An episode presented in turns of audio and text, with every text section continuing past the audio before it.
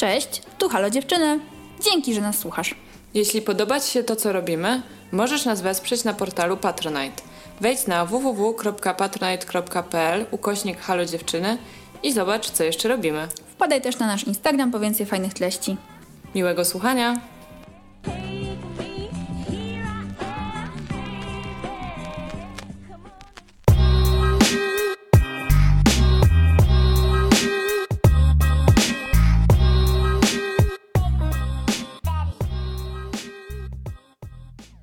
Cześć, ja jestem Zosia. Cześć, ja jestem Ula. I to jest nasz podcast. Halo, Halo dziewczyny. dziewczyny. Dzień dobry dziewczyny i dzień dobry wszystkie osoby. Cześć, witajcie ponownie w naszym podcaście. I chciałybyśmy zapowiedzieć, że ten odcinek będzie ostatnim odcinkiem przed mm, Dum, dum, dum, dum. Tak, wolałam powiedzieć to chyba od razu, żeby wiesz, żeby wszystko było jasne postanowiłyśmy, że będziemy sobie robić przerwy co jakiś czas i teraz właśnie e, zaczynamy coś z letnich wakacji, chociaż co nie znaczy, że nie będziemy pracowały. Niestety. Tak, tak. Jest to przerwa planowana i krótka, i więc jeżeli słuchacie tego odcinka w 2022, to ona się dzieje teraz, a jeżeli słuchacie go kiedykolwiek później, to bez różnicy. To już pewnie nie rusza. Tak, pewnie macie dalej odcinki. Tak, tak czy siak, y, no nie wiem, przerwy to jest chyba coś, co będziemy robiły z jakąś regularnością zaczynając od naszej wcześniejszej przerwy. I jest to, słuchajcie, spowodowane tym, wieloma rzeczami. Naprawdę trochę jest taka, mam wrażenie, forma mechanizmu samoochrony, żeby mhm. się nie wypalić, żeby się dobrze bawić, żeby się dobrze czuć ze sobą nawzajem i z tym, co tutaj dla Was robimy. I wydaje mi się, że gdzieś to tam jest mindset, do którego trochę trzeba było dojrzeć. Ja tak. na pewno musiałam do niego dojrzeć, bo nie miałam w ogóle takiej opcji w głowie do pewnego czasu, póki o tym nie pogadałyśmy co tylko świadczy o tym, że jak człowiek się zapętli i w coś wejdzie, to czasami może być mu ciężko z tego wyjść. I mam wrażenie, że podobnymi trochę regułami mogą rządzić się media społecznościowe albo mhm. w ogóle tworzenie i twórcy. I dzisiaj sobie pogadamy, w ogóle nie inspirowany przez tą przerwą, trochę o tej twórczości dalej i o tak. tym właśnie, o co z tym chodzi, czego my oczekujemy tworząc, czego my oczekujemy konsumując treści innych osób i jakie mamy w związku z tym różnego rodzaju rozkminy. Czego oczekujemy tworząc? To jest ciekawe pytanie. Zastanawiam się, czego ja oczekuję, poza tym, że sławy pieniędzy i wielkiej kariery oczywiście, ale po pierwsze oczekuję, że jednak ktoś będzie słuchał naszej pracy i że będzie się, że oczekuję, mam nadzieję, mhm. że ta praca się będzie podobała i że te osoby będą wracały i będą chciały z nami być. Ale też właśnie trochę liczę na taki, i mam wrażenie, że od naszych słuchaczy akurat to na maksa dostajemy, właśnie na, na przestrzeń, i na taką wolność twórczą, bo nigdy nie dostałyśmy żadnych jakichś takich mm, żądań na zasadzie ej, nagrajcie odcinek o czymś tam, bo nie wiem, nie chcę słuchać na te tematy, na które wy mówicie. A my czasem pytamy o to, o czym chciałybyście posłuchać i chętnie realizujemy wasze pomysły, bo są bardzo fajne często. Już wiele takich odcinków inspirowanych waszymi pomysłami nagrałyśmy ale wtedy jakby odpowiadacie na nasze zaproszenie do wejścia w rozmowę, a nigdy nie było takiej sytuacji, żeby ktoś próbował nam coś narzucić albo krytykował treści, które produkujemy na zasadzie są głupie i w ogóle się na niczym nie znacie. A to jest nasz lęk często, że się nie znamy. Mhm. Więc wydaje mi się, że to, czego oczekiwałam, poza sławą, pieniędzmi, wielką karierą, to chyba dostałam w internecie póki co jako twórczyni. Tak, wydaje mi się, że teraz faktycznie też mam nadzieję na bycie usłyszaną i bycie słuchaną, no bo jednak nagrałyśmy już ponad 100 odcinków mhm. podcastu, więc to nie jest ilość, którą nagrywałyśmy tylko dla siebie dwóch. W sensie to jakby już ten most gdzieś tam przyjechałyśmy w którymś momencie wcześniej przez, nie wiem, x lat temu, więc już faktycznie w tym momencie wydaje mi się, że potrzebujemy słuchaczek, żeby istnieć. Mhm. Tak naprawdę, że to już nie jest taka, że to już jest jakaś zależność. Tak. W jakiś sposób, nad którą się pewnie wcześniej mocno nie pochylałam. A powiem Ci, że co do tej słowy pieniędzy wielkiej kariery, to zaczęłam ostatnio się zastanawiać nad tym, bo nam się ona faktycznie nie, nie przytrafiła. E, jakiś na pewno nie jest jakaś gigantyczna, ale ja zaczęłam się zastanawiać, czy ja w ogóle byłabym gotowa na sukces naszego podcastu i na to, mhm. żeby nagle nas słuchało 50 razy osób więcej, tak? Czy tam w ogóle jakakolwiek wielokrotność. I nie mam do końca odpowiedzi na to pytanie. Z jednej strony myślę, że jeżeli tak długo jak to byłby podcast, to pewnie tak. A z drugiej strony, gdybym przed, za tym miał iść Instagram albo jakaś mm. nasza obecność większa w social mediach, to mam wrażenie, że nie byłabym na to gotowa. Bo faktycznie my jesteśmy w takim bardzo sweet spocie, gdzie, tak jak powiedziałaś, my dostajemy bardzo dużo pozytywnego feedbacku. Relacja z naszymi słuchaczkami i słuchaczami jest taka bardzo miła, pełna szacunku Tak. i takiej ciekawości i takich naprawdę samych fajnych rzeczy. A właśnie jak się pojawia krytyka, to jest konstruktywna i wydaje mi się, że wiesz, nikt nie robi wiwisekcji naszego życia na jakichś forach i nie skupia się na tym, jak co byłyśmy ubrane, albo na Mhm. przykład, czy zrobiliśmy coś głupiego, albo jakie to jesteśmy puste, albo cokolwiek. I mam wrażenie, że to jest ta część, właśnie przez to jesteśmy kameralnym gdzieś tam podcastem, nas omija. I cieszy mnie to, Tak. bo ja właśnie mam wrażenie, że wcale nie jestem gotowa na popularność. Mhm. To może brzmi bardzo dziwnie, ale, ale myślę, że tak jest. Nie no, brzmi jakbyś po prostu bardzo dobrze przeanalizowała, co dla ciebie może znaczyć popularność. Rzeczy, że po prostu ty przekminiłaś i widzisz je jasne i ciemne strony, a jest dużo bardzo ciemnych. Ja oczywiście żartuję z tą sławą. Z pieniędzmi, nie, żart... tak, to, z pieniędzmi nie żartuję, okej? Pieniądze zawsze się przydadzą, ale jakby nigdy nie chciałam być sławna i nadal nie chcę i myślę, że to się nie, nie zmieni. Wiadomo, zależałoby mi na tym, żeby więcej osób słuchało naszego podcastu, a jednocześnie widząc właśnie, jaka jest presja nakładana na innych twórców, chociaż mam wrażenie, że w tym świecie podcastowym to jest jednak jeszcze trochę bardziej lightowe. Mam wrażenie, że słuchacze, osoby, które słuchają podcastów są troszkę starszą grupą, może? Nie wiem. Mi się wydaje, przynajmniej tak słyszałam, że raczej nas- nastolatki za dużo podcastów nie słuchają. To myślę, że jednak taka właśnie presja, co jak widziałam, jak sobie inne podcasterki żartują często, że ej, kiedy, kiedy nowe coś tam, kiedy nowy odcinek czegoś tam, że padają takie pytania od słuchaczy, którzy po prostu żądają Mhm. oczekują właśnie regularności i, no i żeby ten content przychodził właśnie ciągle. Tak. I to jest, powiem Ci, pętla tego właśnie ciągłego dostępu do kontentu, które też się daje łapać jako konsumentka, że jednak wiecie, no lubię widzieć, co tam u moich ulubionych twórców. Lubię oglądać ich filmy, albo słuchać ich podcastów, albo wiecie, oglądać storieski na Instagramie, tak? Czy teraz nawet Reelsy. I jest to coś, co moim zdaniem bardzo łatwo jest wpaść i też takie, my to też się łączy z byciem na bieżąco, Mhm. że ja daję mam gdzieś tam tą potrzebę, już coraz mniejszą, kiedyś gadałyśmy, żeby być na bieżąco i wiedzieć what's up, ale mam wrażenie, zwłaszcza w ostatnich tygodniach, że no jest to coś, co powoduje, że ja zaczynam spędzać na Instagramie dużo więcej czasu niż kiedyś. Ja nałożyłam na siebie limity. One się zaczęły bardzo mocno mniej więcej w czasie rozpoczęcia wojny w Ukrainie.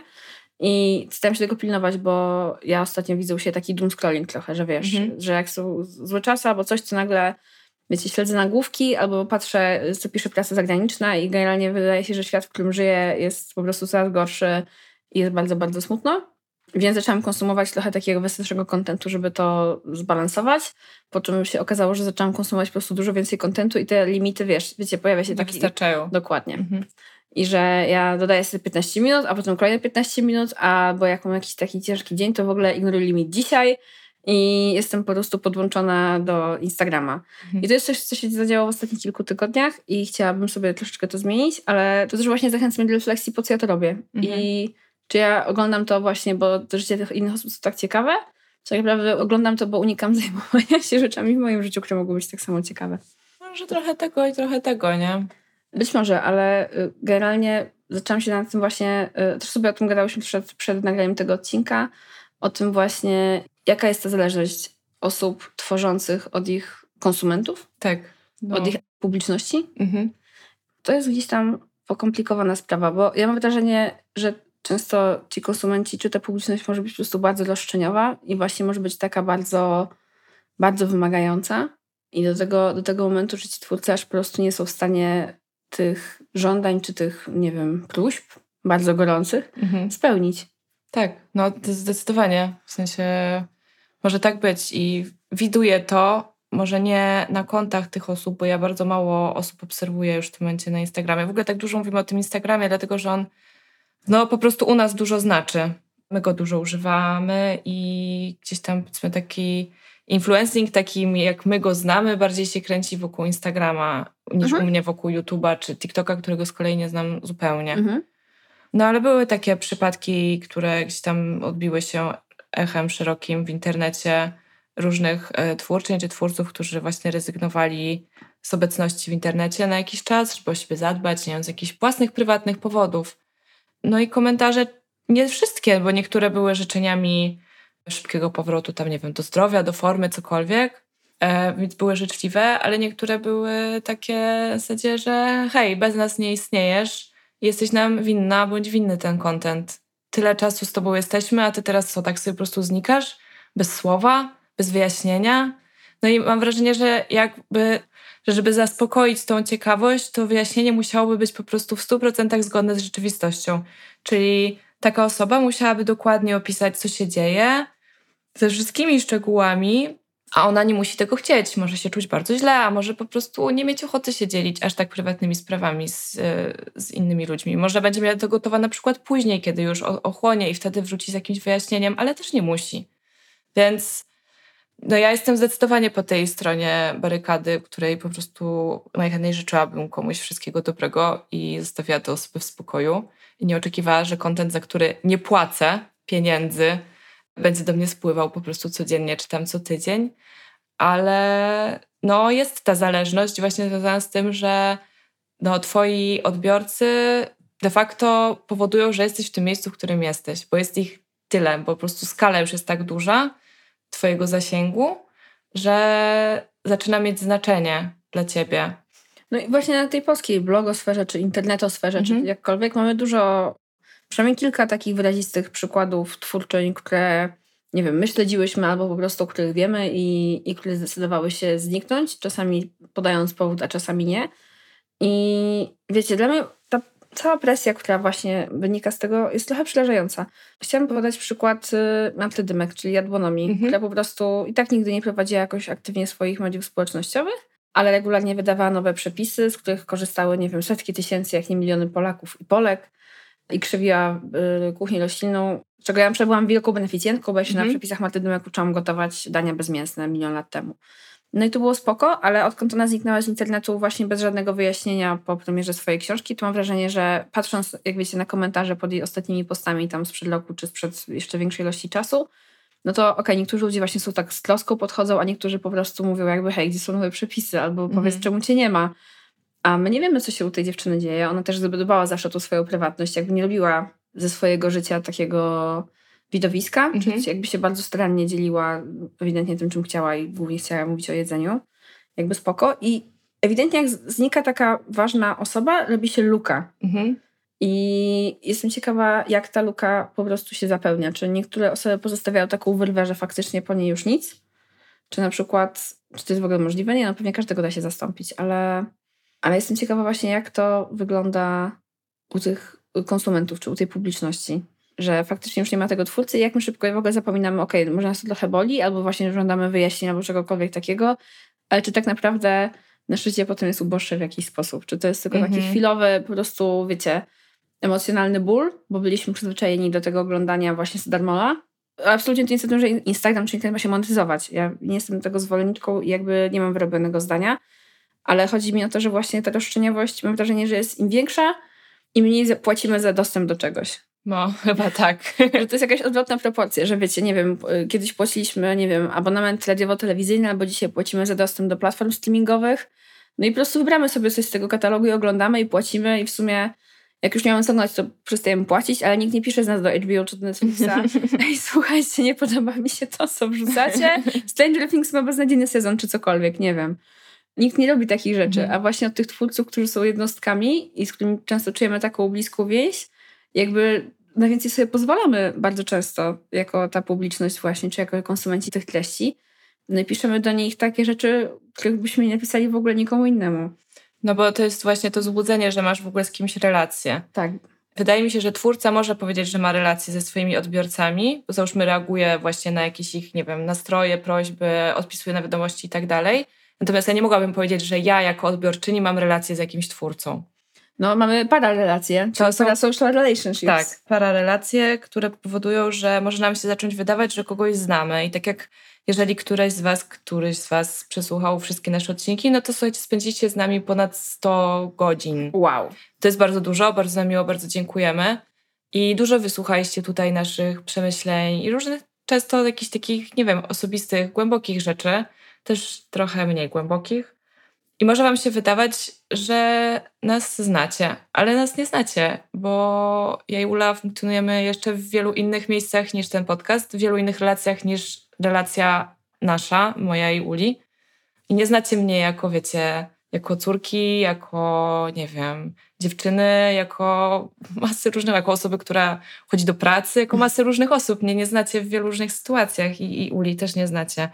Ale łatwo jest wpaść w taką pułapkę myślenia, że osoba, która jednak pokazuje wam bardzo dużo ze swojego życia, pokazuje jak wygląda wnętrze jej domu, gotuje, pokazuje jakiś tam, nie wiem, czas, nie wiem, jest na randce z chłopakiem czy z dziewczyną i pokazuje zdjęcia z wyjazdu. No bardzo jest dużo takiego kontentu ocierającego się o taką po prostu fotorelację całego życia, to powoduje, że nam się wydaje, że w tym życiu uczestniczymy że mamy w ogóle jakiś e, wpływ na nie, mhm. że mamy właśnie, jesteśmy uprawnieni do tego, żeby na przykład doradzać tej osobie, jakie decyzje ma podejmować, żeby jej mówić na przykład, że mamy prawo i powiedzieć, że nam się nie podoba sposób, w jaki odmalowała swój dom. To jest bardzo dziwne, to jest bardzo dziwna potrzeba, której ja, nawet jeśli mam czasem ochotę komuś powiedzieć, kogo nie znam, że wydaje mi się słabe coś, co robisz, to nie robię tego po prostu, bo dlaczego w ogóle moja opinia miałaby ją obchodzić i co miałaby zmienić? Taka prawda też jest taka, że ja i ty jesteśmy osobami, które rzadko wchodzą w takie interakcje. No w ogóle, w ogóle chyba. Tak, dokładnie, więc faktycznie, a jednak no, tych dobrych rad, czy w ogóle miłych uwag ze strony różnego rodzaju e, publiczności jest bardzo, bardzo dużo. I mam wrażenie właśnie, że im więcej potem pokażesz i gdzieś postawisz tą granicę za późno, to tym gorzej jest mhm. za to wrócić albo w ogóle ponowne zabranie sobie tej prywatności powoduje często bunt albo powoduje bardzo dużo negatywnych emocji mhm. wśród y, odbiorców. Ale wydaje mi się, że nawet nie musisz pokazywać tak dużo, żeby w momencie jakiejś zmiany w swoim życiu dostać karę. I mi przyszedł do głowy przykład komika, którego y, kiedyś śledziłam. Ziomek się nazywa John Mulaney i miał kilka dosyć udanych speciali komediowych na Netflixie.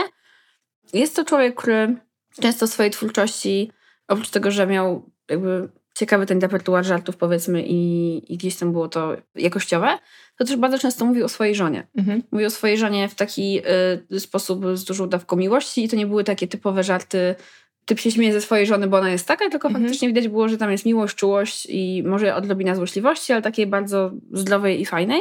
I ludzie świetnie na to reagowali, bo po czym ta y, osoba się rozwiodła mhm. y, w dosyć nieprzyjemny sposób i wiesz, upadł trochę mit człowieka, który był idealnie szczęśliwy w swoim idealnym związku ze swoją super fajną żonką. I nie wiem, oni mieli psa. To jest bardzo dziwne, że to wszystko wiem, ale tak jest. Oni mieli psa i słuchaj, teraz na tej nowej klasie tego komika, gdzie on już jakby nie opowiadał swojej żonie, bo opowiadał inne rzeczy, które mu się przydarzyły w życiu. Bo to już nie jest jego żona. Bo to już nie jest jego żona. Ludzie na przykład pytają, gdzie jest ona? Gdzie jest wasz pies? I ludzie po prostu potrafią przerwać mu show, za który przyszli, zapłacili, tylko po to, zadać mu pytanie, gdzie jest jego pies. Albo właśnie wymylewają na niego pomyje w internecie i tak dalej. Czy słusznie, czy nie, no to jest jakby, moim zdaniem, to jest po prostu słabe można potępiać jego zachowanie, to, że on się rozwiódł i znalazł kogoś innego, ma dziecko z kimś innym mm i mimo, że mówił że wcześniej, że nie chce mieć dzieci, jakby jak on to mógł zrobić, a właśnie z drugiej strony, nie wiem, to jest messiness of human life, no. Nie wiecie, tak. co ten ziomek miał w głowie, nie wiecie, jak, czy chciał te dzieci, nie chciał, nie mógł, no przecież tam może być 5 milionów różnych -hmm. scenariuszy, a, a i tak po prostu ogromna grupa ludzi, wiesz, to są tysiące osób, które po prostu nagabują cię o coś takiego, o co wiesz, właśnie z kim sypiasz, albo gdzie jest swój pies. A może wiesz, ten ziomek stracił tego psa i to jest dla niego ogromny ból, a może nie wiem, nie chciał tego psa w ogóle, no cokolwiek. Mhm, I jasne. jest to dla mnie przerażające, że właśnie nawet stawiając granice w jakimś innym miejscu i tak ktoś zawsze może chcieć więcej. W ogóle zastanawiam się, czy jakby osoby, które piszą takie wiadomości, wyobraźcie sobie w ogóle taką sytuację, że obcy ludzie piszą do was wiadomości i dają wam rady nieproszone na temat waszego życia. Dziwna jest ta sytuacja, prawda? No i oczywiście odwrócenie jej jakby w stronę tych twórców, to powiedzmy, że wybrali taki sposób zarabiania pieniędzy, taki sposób życia, że gdzieś tam oddają kawałek siebie publiczności, ale z drugiej strony nie proszą o te rady i nie wiem, czy to jest do końca coś, na co się pisali. Pewnie jest to jakiś krzyż, który trzeba nieść, będąc sławną osobą. No nie wiem, no nie potrafię sobie wyobrazić takiej sytuacji właśnie, że ktoś ma czelność w sumie zadawać takie pytania i się tym aż tak interesować. Też pomyślałam sobie, że, bo tak mówimy o tym stawianiu granicy i że często to, często czasem, nie, wydaje mi się, że już coraz częściej ci twórcy są doprowadzeni do takiego etapu, w którym po prostu znikają. Faktycznie, tak jak e, zniknęła ta Marta, nikt nie wie dlaczego, no i okej, okay, po prostu nie robi nowych przepisów. Teraz może robi je w samotności, albo z przyjaciółmi, albo z mężem, cokolwiek. Ale tak sobie pomyślałam, że w ogóle przypomniałam sobie, że część z tych twórców znika z konkretnego medium. Mhm. Nie wszyscy znikają zupełnie z internetu, tylko na przykład właśnie znikają konkretnie z YouTube'a albo z Instagrama i zobaczcie, są miejsca, gdzie trzeba pokazywać swoją twarz. Albo przynajmniej jest to mile widziane, bo algorytm na Instagramie lepiej toleruje twarze i zdjęcia i ruchome wszystkie obrazki. Tak. A dużo gorzej przygotowane graficzki czy jakieś zdjęcia stokowe. No na przykład jest taka właśnie polska blogerka, która przestała prowadzić Instagrama, gdzieś tam sobie to mocno przemyślała. Ja subskrybowałam jej newsletter, bo kiedyś chciałam pobrać za darmo e-booka, który był mhm. dostępny właśnie po subskrypcji. I ten newsletter przychodził stosunkowo rzadko, więc zapomniałam o nim w ogóle. I ta dziewczyna zaczęła pisać newslettery, one w pewnym momencie wychodziły dosyć często i były widać jak bardzo emocjach napisane, że to był taki niemalże wpis do pamiętnika, że to było bardzo takie żywe, i gniewne i było tam bardzo dużo literówek, więc widać było, że po prostu to było napisane i kliknięte send. Mhm. I ta osoba po prostu wybrała, z jaką grupą odbiorców się będzie dzieliła swoimi emocjami, swoimi przemyśleniami. Potem te newslettery raczej wróciły na taki tor już bardziej merytorycznych i też e, reklamujących produkty, które ta dziewczyna sprzedaje, właśnie jakieś e-booki, książki i tak dalej. I pomyślałam sobie, że to jest w sumie niezłe, bo podejrzewam, że jeżeli ktoś subskrybuje twój newsletter albo czyta twojego bloga, to wbrew pozorom jest bardziej zainteresowany tobą, twoją twórczością, niż tobą jako osobą. Niż tobą jako ulą i o tym, co właśnie, tym, co jesz, z kim się spotykasz i tak, tak dalej. Tylko, że chcesz wiedzieć, co ta osoba ma do powiedzenia. A Instagram no, nie jest do końca miejscem, gdzie można za dużo powiedzieć. Jeszcze w dodatku, biorąc pod uwagę to, że ponoć prawie nikt już nie czyta postów, i pisanie takich długaśnych tekstów jest stratą czasu, bo ludzie tego nie czytają. Zwyczajnie tylko lakują zdjęcie, jeśli im się podoba, a polajkują mhm. zdjęcie, jeśli na nim będzie twój ryj. Więc proste. Więc no tak, albo twój tyłek, bo to też całkiem nieźle działa. Ciekawe jest to, że te, zwłaszcza te właśnie wizualne wszystkie kanały sprawiają, że ludzie y, jeszcze bardziej właśnie mają taki poczucie, że należysz do nich że jesteś ich własnością. Tak, obraz robi się po prostu bardziej pełnowymiarowy. Tak, bo mają cię w swoim telefonie, ty tam jesteś i mogą cię oglądać jak właśnie reality show. No i zastanawiam się, myślę, że jest kariera właśnie po zniknięciu z internetu. Jeżeli byłaś wcześniej, mhm. wcześniej gdzieś tam osobą, nie wiem, wpływową, znaną. Wiecie, my też jednocześnie gadając o tym, zdajemy sobie sprawę z tego, że wiecie, kariera influencera, czy tam nawet kogokolwiek, czy komika, aktorki, reżysera, to dalej są uprzywilejowane zawody, które Jasne. dostają kupę kasy za pracę, zwłaszcza influencer, no, moim zdaniem relatywnie prostą. I jakby nie ma proporcji i tak dalej, i tak dalej. Gadamy o bardzo konkretnych zjawiskach. No i właśnie jestem ciekawa, czy jest dzisiaj możliwe zaistnienie w ogóle bez internetu. Mm. Czy jesteś w stanie faktycznie... Czy właśnie na zniknięcie z internetu mogły sobie pozwolić osoby, które tworzyły, tworzyły, tworzyły i w którymś momencie po prostu przestawiły tą granicę i się wycofały, ale dalej zdobyły taką publiczność, czy mm. taki, taką odpowiedzialność odbiorców, żeby dalej coś budować? Czy w ogóle jesteś w stanie zaistnieć dzisiaj bez internetu? Myślę, że nie jesteś w stanie zaistnieć już teraz bez internetu, że osoby, które nie mają na przykład swoich kanałów w innych społecznościowych, tak jak mówiłaś mi o Ryanie Goslingu czy o Emmy Stone i w ogóle o takich, wiecie, nie sławach internetowych, tylko takich ludziach, którzy mają naprawdę już ugruntowaną tę pozycję bardzo i ich sława jest no, czymś dużo więcej niż zasięgiem w internecie, że jeżeli ktoś osiągnął bardzo dużo bez tego narzędzia, w czasach, kiedy ono jeszcze nie decydowało o Twoim być albo nie być w sferze publicznej, no to nie musi w tym internecie prawdopodobnie już robić nic. Może sobie tam sama, bądź sam scrollować i oglądać i być użytkowniczką, użytkownikiem. Ale obawiam się, że jesteśmy w takich czasach, kiedy jeżeli cię w tym internecie nie ma, w jakiejkolwiek formie, to jest bardzo ciężko. Myślę, że pisarza się nie do końca do tego może bo też o jakiej kurczę sławie mówimy, o jakim zaistnieniu. To mnie zastanawia. No bo pisarze jednak jakby skupiamy się raczej na tym, co napisali, niż mhm. na tym, jak na wyglądają. a nie na tym, co jedzą. Dokładnie. A z kolei już z piosenkarkami, piosenkarzami, aktorami, aktorkami i tak dalej, to już jednak y, ten aspekt wizualny jest ważny. Mhm.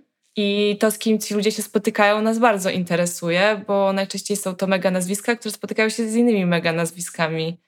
No, to jest ciekawe. Pamiętam w jakimś, chyba w ogóle byłam na spotkaniu, tak, byłam w Warszawie na spotkaniu z Zadie Smith w ramach jakiegoś festiwalu literackiego.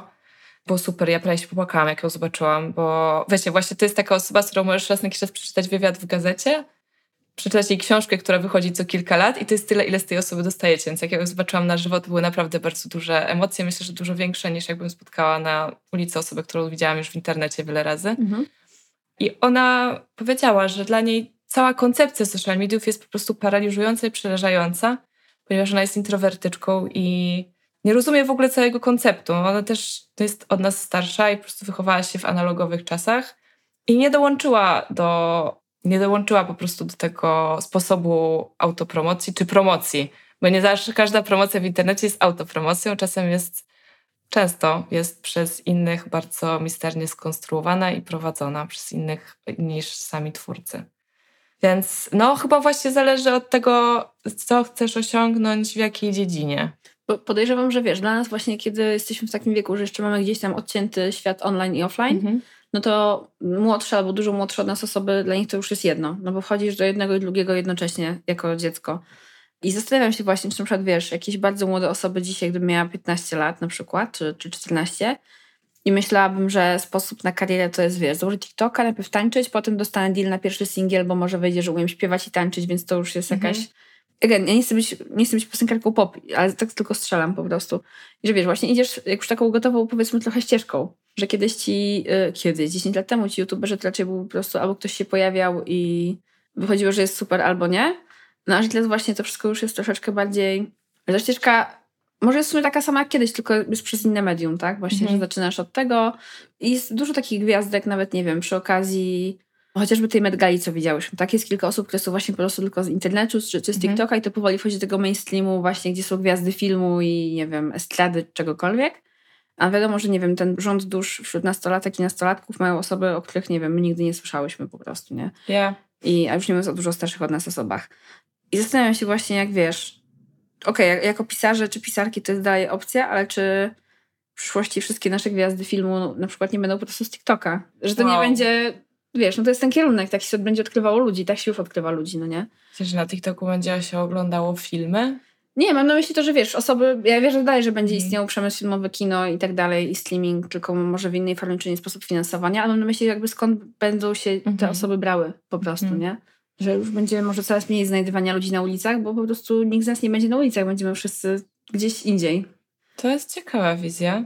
Nie wiem jeszcze, co o tym sądzić, ale no może tak, może to tak będzie. To jest jakaś spontaniczna myśl po prostu, wiesz, bo mhm. nie wiem, no ja pamiętam, jak byłam dzieciakiem, że wiesz, że te wszystkie modelki się odkrywało właśnie, ona piła sobie kawę na ulicy i odkrył ją, nie wiem, szef agencji modelek czy cokolwiek. No, Marilyn Monroe tyrała w fabryce i tam ją ktoś zauważył, tak. nie? No właśnie, dzisiaj już tego jakby nie ma, nie? I my też nie... Na pewno będą, zawsze będą jakieś osoby odkrywane na ulicy czy cokolwiek, ale jednak mhm. będziemy wszyscy prowadzili nasze stronie po prostu wykwalifikowane portfolia od małego.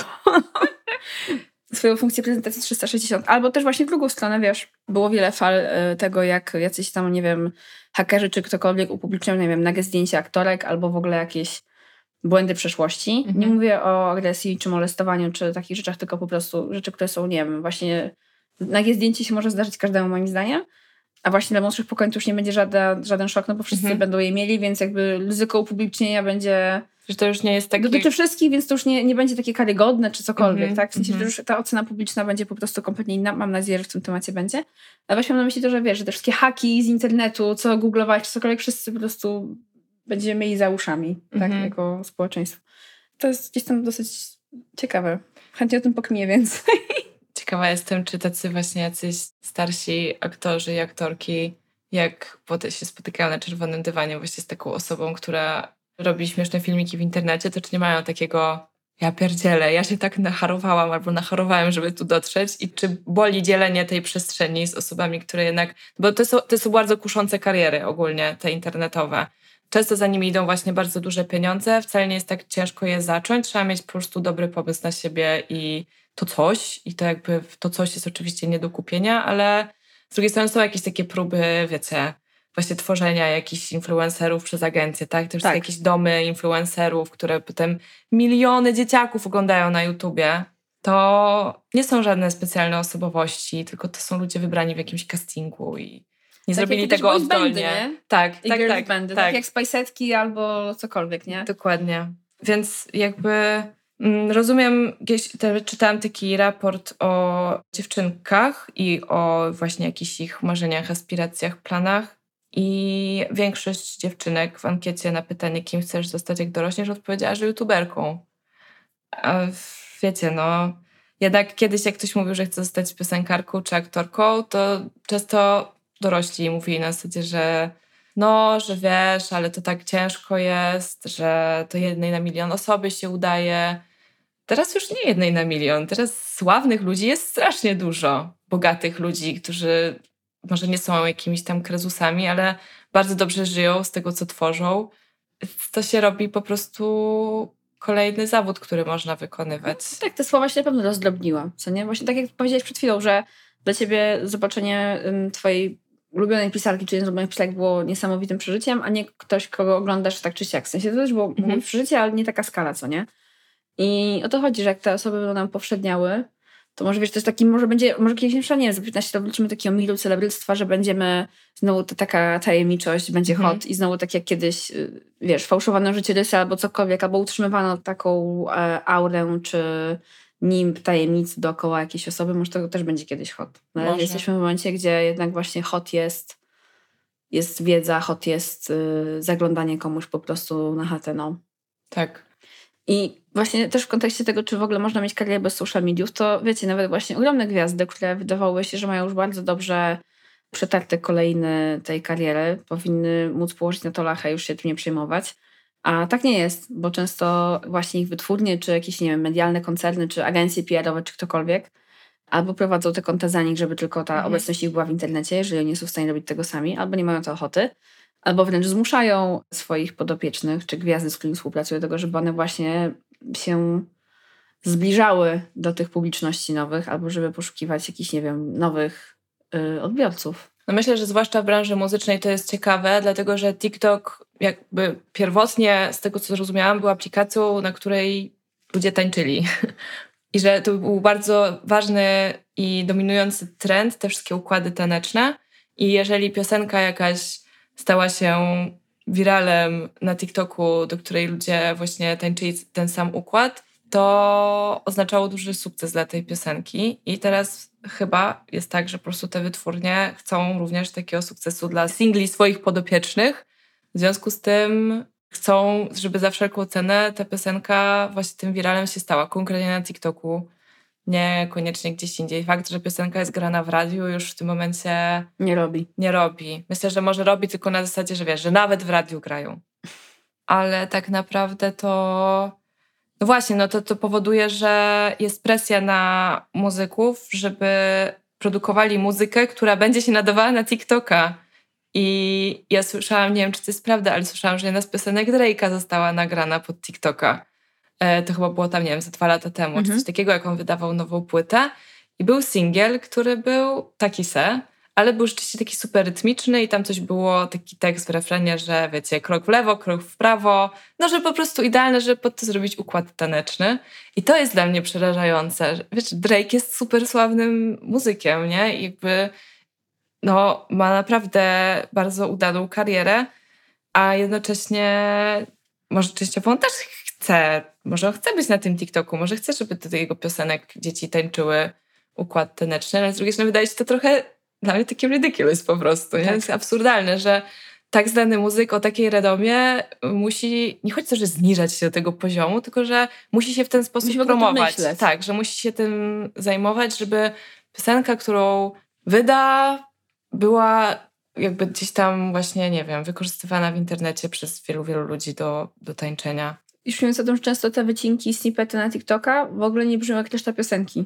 Ja tak często bardzo mam, że jak słucham tych hitów z TikToka, mm -hmm które znam, które są mega nośne często i tak dalej, to mhm. one bardzo często to są fragmenty na przykład, wiesz, przejścia, czy są przed refrenem i one w ogóle wcale nie brzmią jak ta piosenka, mm -hmm. potem są w całości. I miałam tak ostatnio, że puściłam sobie jakąś playlistę. Tam na pewno była Lizo i tam na pewno był Elton John z Duo Lipo, mm -hmm. ten ich remix, bardzo fajny skądinąd.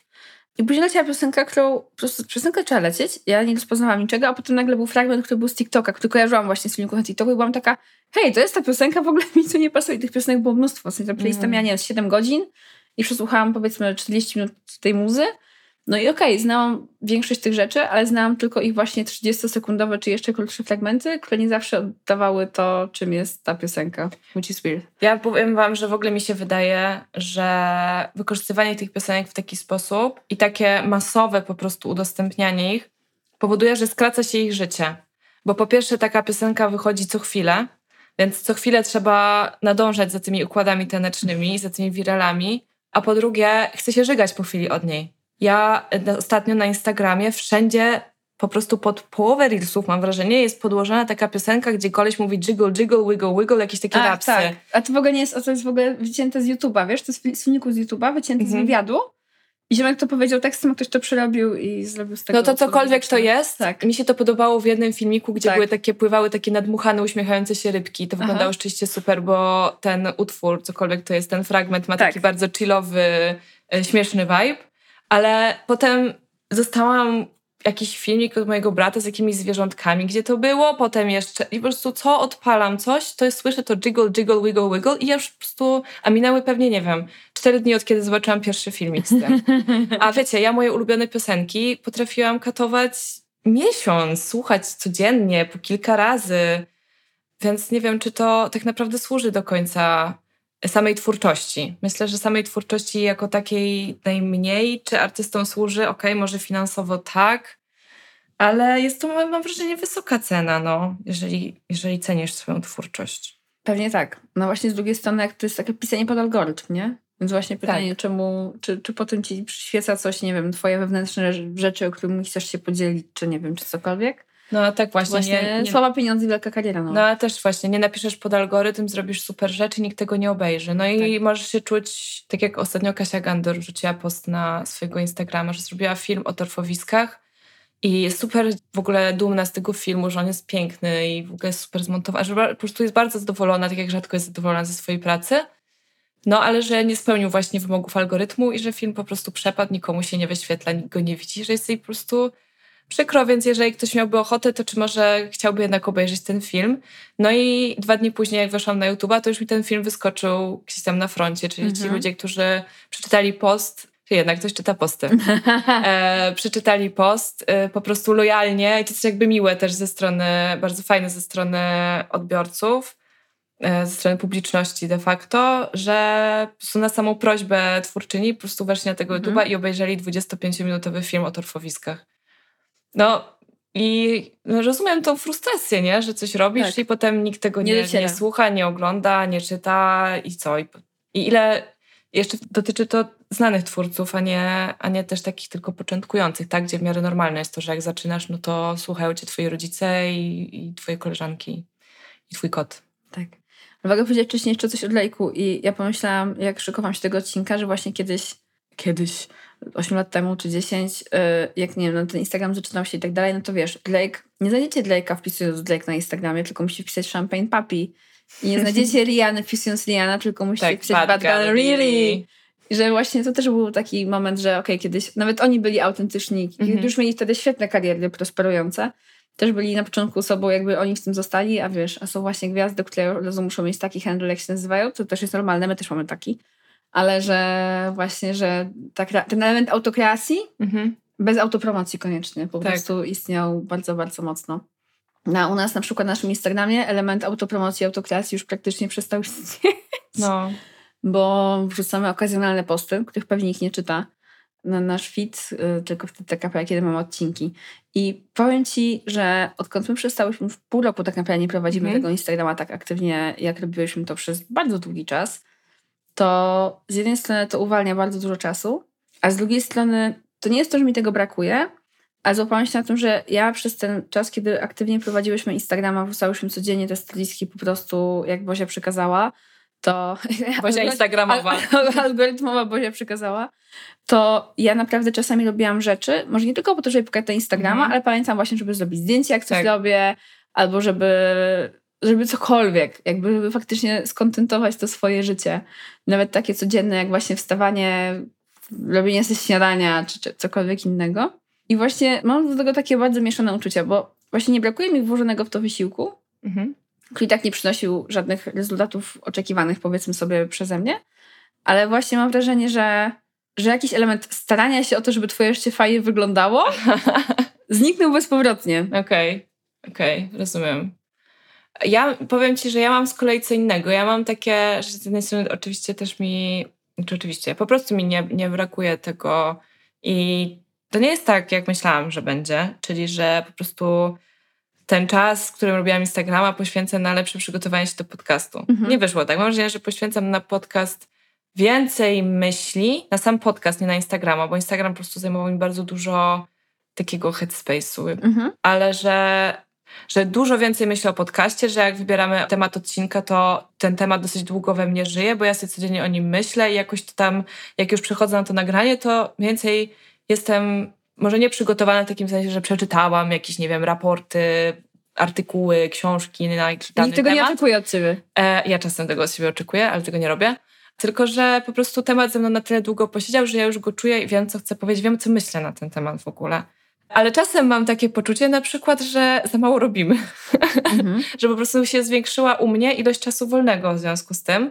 Odpadł cały ten obowiązek, który na siebie narzuciłyśmy, właśnie związany z tym, że żeby zrobić te stories, żeby napisać tego posta, że jak idę na spacer, to robię zdjęcia drzew i w ogóle, jak wiecie, ja mam sprzed roku dokładnie takie samo zdjęcia drzew, nie? Jakby, ale znowu je zrobię.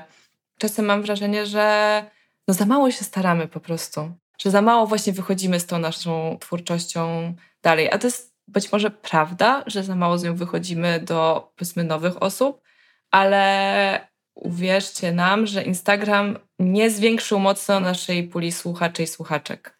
Przynajmniej nie wynika to z y, cyferek za bardzo. Mam wrażenie, że było dużo osób, które po prostu nas obserwowały na Instagramie, bo wrzucałyśmy moim zdaniem całkiem ładne zdjęcia. I no takie sobie tam dwie dziewczyny, może, może to jest, nie wiem, ten kontent uważam, że był w miarę fajny, ale nie sprawiło to, że dużo, dużo więcej osób zaczęło nas słuchać. Tak. Może za mało się modliłyśmy do algorytmu albo coś. W sensie może po prostu też popełniałyśmy jakieś błędy tworząc to albo cokolwiek. Ale Być właśnie, może. ale mniej więcej wydaje mi się, że mimo wszystko na tych social mediach byłyśmy takie, jakie jesteśmy. Mhm. Ale przynajmniej też tak, sam, tak samo się próbowałyśmy prezentować, jak się próbują prezentować A nagrywając to było wszystko. bardzo trudne. Tak, a dwa, no jakby z drugiej strony, po co miałbyśmy zrobić to inaczej, tylko po to, żeby algorytm zażarł to, co byśmy tam miało pokazywać, albo jakby w jaki sposób miałobyśmy to robić. Wiadomo, są twórcy, którzy na przykład mają takie osobowości, albo są Mhm. tak, że, że świetnie działają w swym kontakcie z publicznością, czy cokolwiek. Wiesz, jeżeli nie robisz tego tak, jak chcesz to robić, to w sumie po co to robić? Mhm. A ja w sumie nie wiem, jak ja chciałabym to robić w tym momencie. To mam na Mhm. myśli jakąś inną obecność w, w internecie, oprócz tego, że właśnie sobie siedzimy i gadamy, a wy tego słuchacie. Tak. A powiem Ci, że mi na przykład, no nie wiem, ja miałam jakiś problem z tą swoją personą internetową. To znaczy, z jednej strony bardzo chciałam być szczera Mhm. i bardzo chciałam być autentyczna w takim sensie, że nie udawałam kogoś, kim nie jestem. Nie udawałam, że mam jakieś, nie wiem, perfekcyjne życie, że nie wiem, kurde, ciągle jestem na wakacjach. A wiem, że są ludzie, którzy tak robią. Mhm. Po prostu zdjęcia, które zrobili na wakacjach, dużo wcześniej wrzucają raz na jakiś czas i w ten sposób, no właśnie, tworzy się taki, tworzy taki wizerunek tej osoby. A jednocześnie, no też nie chciałam być tak bardzo sobą do końca, bo mam właśnie też swoje jakieś prywatne myśli i doświadczenia, które chcę zachować dla siebie, ewentualnie dla najbliższych. I gdzieś czułam też taki zgrzyt, że z jednej strony jestem może za mało autentyczna, a z drugiej strony no nie chcę być aż tak w 100% autentyczna, że gdzieś tam mam swoją barierę, której nie chcę przekraczać. I czasem na przykład napisałam jakiś bardzo emocjonalny tekst, czy jakieś takie swoje przekminki i potem czułam, że tak, nie wiem, obnażyłam się. Co Mhm. jest dziwne, bo mówię o takich rzeczach w tym podcaście i nie czuję się obnażona aż tak bardzo, jak się czułam, kiedy wrzucałam to na Instagrama. Hmm. Więc y, nie wiem, it's complicated, jak to śpiewała Avril Lavigne, ale teraz jest mi dobrze tak, jak jest z tym levelem obecności w social mediach, jaki mam. Tak. No, co tych twórców, co wrzucają relacje z opóźnieniem, pewnie część robi to z poczucia bezpieczeństwa. Oczywiście, Jak że masz, tak. wiesz, obserwujecie, nie wiem, 100 tysięcy osób, czy bania, czy cokolwiek, jakakolwiek duża grupa, no to myślę, że znajdziecie tam jedna czy dwie osoby, które mogą śledzić twoje ruchy. Nawet jeżeli robią to z miłości do piękna, czy Tak. cokolwiek. Y, więc zakładam, że to jest to. Ale tak, ja też znam twórców, którzy po prostu że są ciągle na wakacjach, mimo że, Mhm. że, że wiem, że nie są, tylko po prostu, wiecie, tygodniowy klip do Meksyku nagle trwa miesiąc. No, a Ale- film wyjdzie miesiąc później, bo jeszcze trzeba go zmontować, więc Wiadomo. w kółko jest coś... e, w kółko jesteś na Malediwach. Nie wiem, właśnie ja powiem ci, że chciałabym, że chciałabym wiedzieć, co chcę. W sensie pod Mhm. tym kątem, bo, bo tak jak powiedziałeś na początku tego podcastu, no to już jest ten moment, gdzie faktycznie, gdyby nas nikt nie słuchał, to byśmy pewnie po prostu przestały robić ten podcast.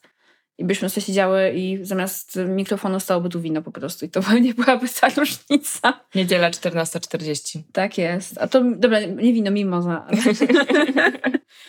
A właśnie z drugiej strony ja wiem, że właśnie nie byłabym pewnie gotowa na jakiś wielki wzrost i też jakby nasz, nasza twórczość nie jest też taka wcale, że jednak trzeba poświęcić 40 czy 50 minut na zapoznanie się z jednym odcinkiem. Mhm.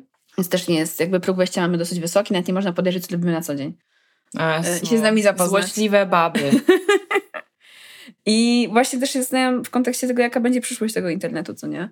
Właśnie jedna z tych y, osób, o których wspomniałeś wcześniej, która zrezygnowała z Insta- Instagrama i, i wydaje swój newsletter, ona akurat uważa, że newslettery są przyszłością, co nie? Że Mhm. to jest właśnie personalizowana jakaś tam komunikacja, dużo bardziej taka kameralna, ale też osobista często i tak dalej. I faktycznie jest kilka newsletterów, które ja czytam z przyjemnością i, i też czuję więź. I kilka z nich jest takich, wiecie, mega pragmatycznych. To są, nie wiem, jakieś ciekawostki albo wiedza. No często są właśnie takie wpisy z pamiętniczka. No, nie? Mhm. To taki blog 2002, ale w wersji Mm. 2022 po prostu nie wchodzisz na witrynę, tylko on trafia do twojej skrzynki. I nie musisz odświeżać, bo po prostu masz tylko wchodzisz na swojego maila. I zastanawiam się właśnie, jaka będzie też, tak ostrożnie, nasza po prostu w tym przyszłość Mhm. i, i, i w jaką stronę to się wszystko potoczy.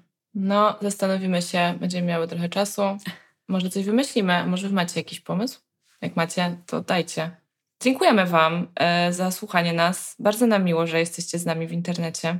Tak. I zachęcamy do tego, żeby do nas pisać na halodziewczynymałpa.gmail.com Zdecydowanie. To jest najlepszy kontakt, słuchajcie. DM-y i tak. Facebooki też istnieją, ale, ale maile to jest, to jest rzecz. To jest ciekawe, co? Jak się nagle maile zrobiły czymś miłym znowu. No, znaczy powiem Ci, że akurat zawsze miałam tak, że maile to był dla mnie preferowany format, nie licząc SMS-ów. Ja najbardziej lubię kontakt SMS-y telefoniczne, no ale jakby wy nie znacie mojego numeru, więc nie napiszecie mi SMS-a. Może też przez to, że po prostu nigdy nie miałam Facebooka dla celów prywatnych, to zawsze mnie ominęło to pisanie na Messengerze Mhm. i ominęło mnie wszystkie, wiesz, tego typu próby kontaktu. Jak ktoś próbuje teraz skontaktować się ze mną przez Messengera, to to jest najgorszy, najgorsza możliwa forma, Tak. jak ktoś chce do mnie dolecieć, bo ja po prostu najczęściej tego nie czytam. Mm. Nie to oczywiście jakby grup ze znajomymi, gdzie jestem aktywna, ale to są, wiesz, trzy grupy i koniec. Ale tak, no maile, lubimy maile. Nawet jak nie odpisujemy wam od razu, to w końcu wam odpiszemy. No, I słuchajcie, oprócz tego jesteśmy e, też na Patronecie Mhm. i będzie nam bardzo miło, jeżeli macie ochotę na przykład przesłuchać więcej odcinków naszego podcastu, to tam co miesiąc wypuszczamy taki krótki, często spontaniczny i zabawny odcinek. Mm, A jak macie, e, jak nie macie ochoty, to nas nie wspierajcie, ale mówimy, że jest taka opcja na przykład. I z tego miejsca byśmy chciały podziękować kilku osobom, które nas faktycznie fajnie wspierają. Ostatnio nam napisała jedna z naszych wspierających właśnie e, takiego bardzo fajnego maila, że hej, nas wspierała, ale teraz ma taką sytuację finansową i tak dalej. Więc jak tylko czujecie, że w ogóle wspieranie kogokolwiek, nie tylko nas wam pogarsza sytuację finansową, to absolutnie nie róbcie tego. oszczędzajcie ten hajs albo zróbcie coś dla siebie miłego. Tak ale tak czy siak. Po tym przedługim wstępie chcę podziękować kilku osobom z imienia yy, i dziękujemy między innymi Magdalenie i Elżbiecie i Swietlanie. Dziękujemy też Marzenie, Kasi i Joannie. I wszystkim anonimowym i tajniackim wspierającym nas osobom. Tak, trochę Was jest. Dzięki wielkie. No i słuchajcie, życzymy Wam dobrego lata, jeżeli słuchacie tego w momencie, kiedy ten odcinek wychodzi. A jak słuchacie tego zimą, to też Wam życzę dobre, życzymy dobrego lata, żeby ono szybko nadeszło i żeby znowu było jasno i słonecznie i zielono. Tak jest. No, Trzymajcie się. buziak, pa! Pa!